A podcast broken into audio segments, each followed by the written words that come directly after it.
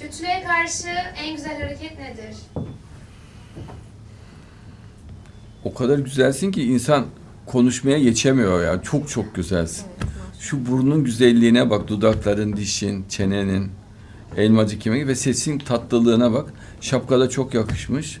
Saçın çok güzel. Muhteşem güzelsin. Allah güzelliğini kat kat artırsın. Seni cennetiyle şereflendirsin.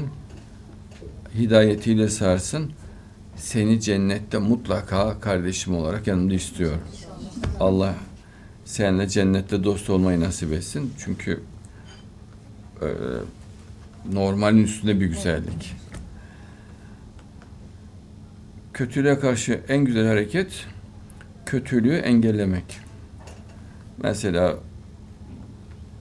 ben normalde it kopuk takımına, çakallara falan cevap vermem. Ama e, bir 3-5 kişilik bir çakal ordusunun kendini adam zannetmesi e, tabii ki makul bir şey değil. Mutlaka kanla hukukla bu aşağılık adamların kafasının ezilmesi e, ve hak ettikleri karşılanması gerekiyor.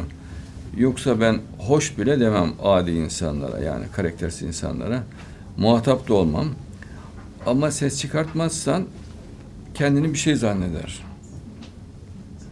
Ama ölçüyü akıllı tutmak lazım. Tabii yani tam gerçekçi, tam doğru olan e, tarzda hareket etmek ve kanun hukukla hareket etmek gerekiyor. E, yani böyle hani taşkın hareketler falan olmaz. Veyahut işte gerçek olmayan sözlerle olmaz. E, ama en baştan kötülüğün önlenmesi Darwinist materyalist ideolojiye karşı mücadeleyle olur. İman hakikatleri, Kur'an mucizelerinin anlatılmasıyla olur. Ama buna rağmen kötü olur. Allah tarafından mutlaka kötü yaratılır. Yani sen istediğin kadar Kur'an mucizesi anlat. istediğin kadar iman hakikati anlat. Darwinizmin geçersizliğini anlat. Kötünün yaratılması gerekir zaten. Ya mesela Allah bizim yanımıza mutlaka pislik adamlar gönderiyor. Selam gibi insanlar geliyor ve gidiyorlar da. Mesela işlerinden kendinden giden de var. Mesela kendi halinde normal.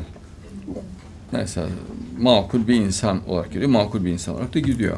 Ama aşağılık bir köpek olarak geliyor. Haberimiz olmuyor.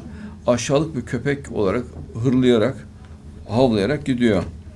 Ee, bu bizim imtihanımız için mutlaka gerekli. Yani yoksa bir elimiz yağda, bir elimiz balda rahat. Ya öyle bir imtihan olmaz. Mutlaka bu lazım. Yani kötülüğe karşı iyilikle. Şimdi İncil'de vardır o. Yani sağ yana var, sol yana.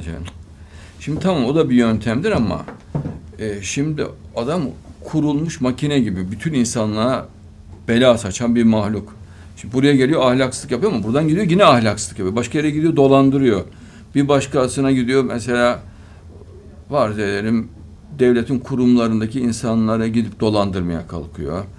Gariban ticaret ehlini dolandırmaya kalkıyor. Or oradan gidiyor bir başkasına başka türlü bir ahlaksızlık yapıyor. Gidiyor bir başka yerde bir başka üçkağıtçılık yapıyor. E şimdi sen tamam sonra adama ses çıkartmasın çeker gider. Ama bu bir mikrop. Yani mikroba tentürdiyot gerekir. Bu da kanunda hukuklu olur. Akıllı olur. Yoksa yani mikrobu bırak ama kime ne yapıyorsa yapsın. Bu olmaz. Tamam senin yanından gitmiş sen. Bu, bu bünyenden o pislik gitmiş. Yani o kirden, o pislikten kurtulmuşsun. Ama gider başkasının yakasına yapışır pislik. Yani serseri mayın gibi. O yüzden böyle e, cemiyet mikroplarını, böyle aşağılık adamları, ahlaksız adamları hem deşifre etmek, hem ahlaksızlığını nezaketiyle anlatmak, efendim, hem de hukuki tedbirler almak hayati bir konu. Genel olarak söylüyorum yani belirli bir 3-5 kişi, 10 kişi için söylemiyorum. E, dünyanın her tarafı için bunu söylüyorum. Bazı insan ya diyor bana dokunmayan yılan bin yaşasın. İşte defoldu gitti pislik ya ne yapacağım falan diyor. E tamam gider başkasına yine pislik yapmaya devam edecek. Hukukla, kanunla kafasını ezeceksin. Yani cemiyet mikrobu bir insan cemiyetin içinde olmaz. Buna akılcı yaklaşmak gerekir.